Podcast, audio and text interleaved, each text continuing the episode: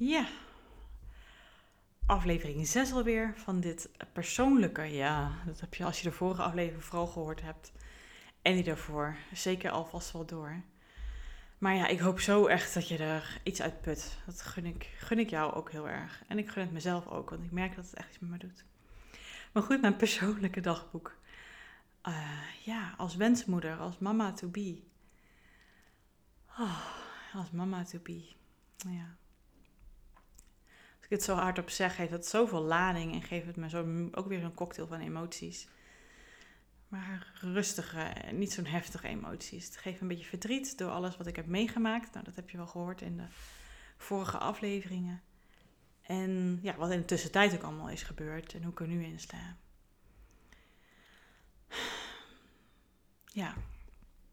Want zoals ik de vorige aflevering eindigde, na mijn tweede miskraam, hè, allebei miskramen zijn precies rond, maar echt precies rond vijf en een halve week gebeurd. En ja, en dan ga je natuurlijk denken. Hè, er brak, daarna echt een hele andere fase aan. Dan, dan, ja, ik blijf nog steeds een rationeel, nuchter, praktisch persoon. Ik denk, ja, hoe kan het nou dat het, ja, uh, precies rond dezelfde tijd gebeurt? Daar moet er een reden voor zijn. Dus toen heb ik ook aan de verloskundige gevraagd.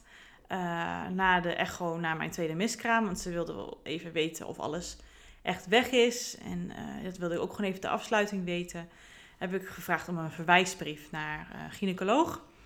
Om de oorzaak te vinden van de miskramen. Want um, ja, ja ik, ik dacht, nou, nu moeten we wel ja, de wetenschap erbij halen. Er moet een oorzaak zijn. Als het op allebei de momenten, uh, allebei de miskramen rond dezelfde tijd gebeurt, ja, dat moet gewoon een reden voor zijn. Dus um, ja, ik ben, uh, maar dat was natuurlijk allemaal, allemaal coronatijd natuurlijk, hè. We zijn ondertussen alweer in november 2021. En uh, ja, ik was dus al 34 geworden toen. En dat, die verjaardag, om dat even nog een stukje ook erbij te vertellen, was natuurlijk gewoon pijnlijk. Hè? Want dat was het weekend dat ik wilde vertellen van mijn uh, zwangerschap. Want daar was ik over mijn zes weken heen. En die was gewoon heel pijnlijk en verdrietig. Maar ook weer fijn om te delen. Dubbel dus weer. Uh, maar dus die gesprekken met de gynaecoloog, die gingen allemaal ja, digitaal inbellen zoals we dat noemen, een belafspraak. Uh, en uh, ja, nou ja, weet je, daar ga ik het allemaal niet over hebben, maar het was gewoon geen prettig gesprek.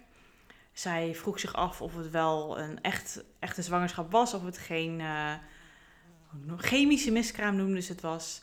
Ik zeg, ja, er waren, gewoon positieve zwangerschapstesten. Ik voelde me zwanger. Ik had deze en deze kwaaltjes. Uh, nou, ze heeft het dan maar bestempeld als miskramen, waardoor, waardoor ook het onderzoek gestart kon worden. Nou, je kan me wel voorstellen dat ik ondertussen gewisseld ben, ben van gynaecoloog. En ik heb toen uh, met haar besproken wat de opties zijn om erachter te komen. En zij, wilde, zij stelde een chromosomenonderzoek voor, waardoor je dan um, ja, erachter kon komen of, um, of er iets in onze chromosomen zijn waardoor we meer kans hebben op een miskraam. Uh, dat, was een, dat is een heel duur onderzoek.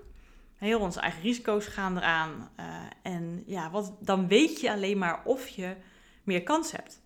Ze kunnen voor de rest niks doen. Het is niet dat er dan, omdat je het dan weet, dat ze dan uh, iets, ja, een bepaald traject in kunnen gaan, of een bepaalde medicatie, of bepaalde behandeling, of dan kan starten omdat je het dan weet. Nee, dan weet je het gewoon. Ja, omdat wij ook hoorden, ook voornamelijk van mijn schoonzus als verloskundige, dat ja, het klinkt zo kak dit, hè? Maar goed, dat dit soort dingen veel vaker voorkomen dan uh, dat, je, dat ik in ieder geval wist van tevoren, laat ik het zo zeggen. Want met de mensen wie ik het deelde, die vertelden ook over hun miskraam. Het lijkt wel of bijna elke vrouw dat heeft meegemaakt. Ja, misschien eh, is dat ook iets herkenbaars voor jou. Mocht jij dat hebben meegemaakt, als je het dan toch hebt gedeeld met anderen. Dat je dan opeens allemaal verhalen en ervaringen hoort van mensen die dat ook hebben meegemaakt. Hè? Best bijzonder. Um, dus we hebben afgezien van het chromosonenonderzoek. Je kon wel een stollingsonderzoek doen. Uh, dat is een bloedonderzoek. Waardoor je dus kon onderzoeken of ik um, meer kans heb op uh, stolling in je bloed. Um, want dat verhoogt echt zeker ook uh, de kans op een miskraam. Dat is iets genetisch ook. Als het in je familie zou zitten, ergens in de lijn van mijn kant dan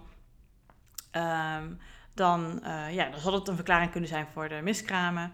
En ik geloof wel ergens dat mijn, ja, mijn, ik weet niet, iemand in mijn lijn had geloof ik iets. Ik weet, ik weet nu ondertussen niet meer wat het dan weer was, wat je dan zou moeten hebben, wat dan kon leiden als een, kon uh, gezien worden dat, dat ik kans heb op stolling uh, in mijn bloed. Dus nou, ik heb dat bloedonderzoek gedaan, maar er komt ook uit dat ik dat niet had.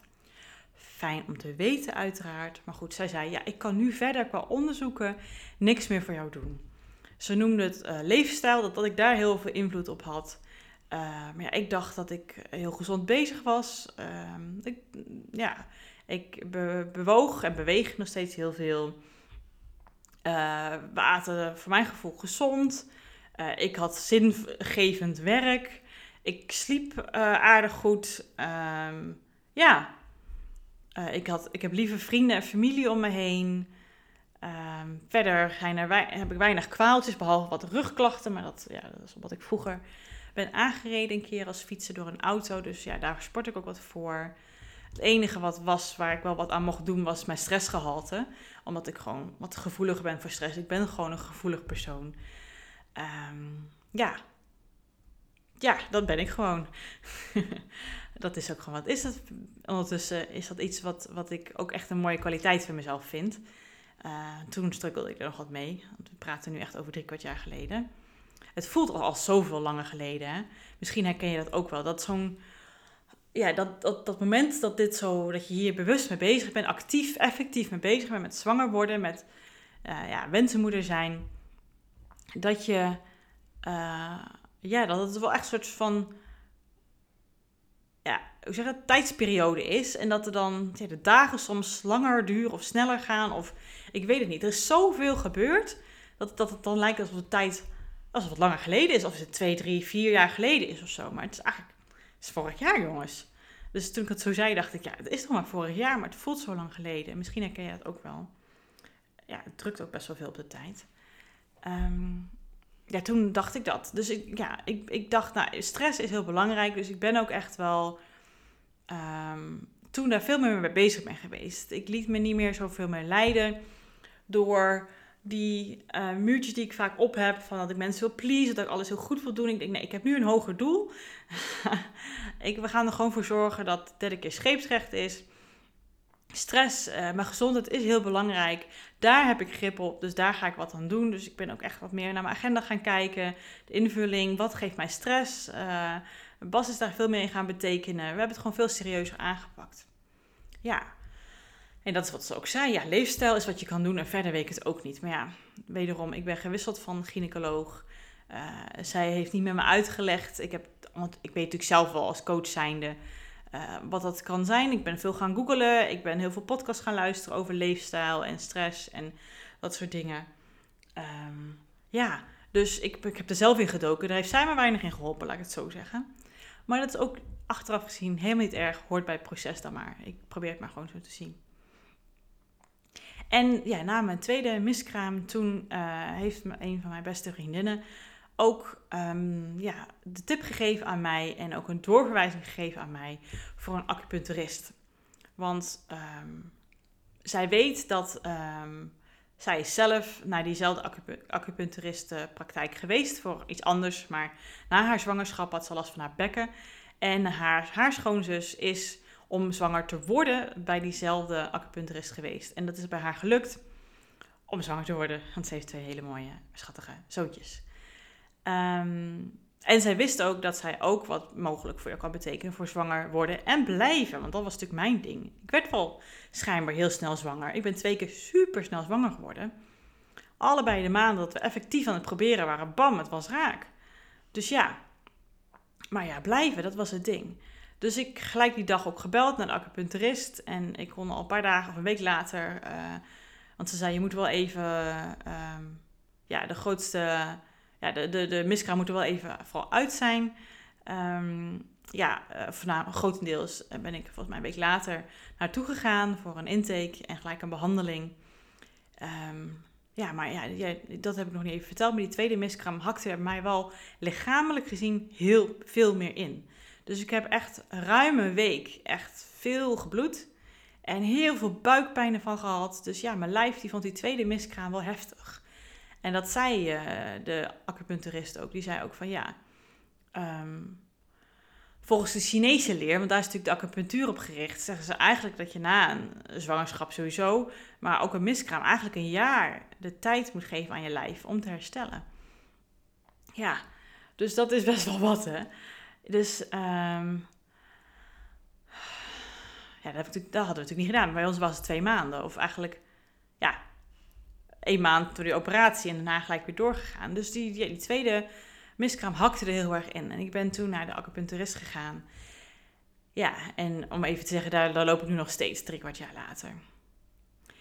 En uh, nou, naar de acupuncturist, ik heb dat medische stuk gedaan, die uh, stollingsonderzoek gedaan, er kwam niks uit. Nou, op leefstijl zitten letten. Maar de cyclus nadat ik dus mijn miskraam had gehad, daarna, um, dacht ik weer zwanger te zijn. Met de nadruk op dacht.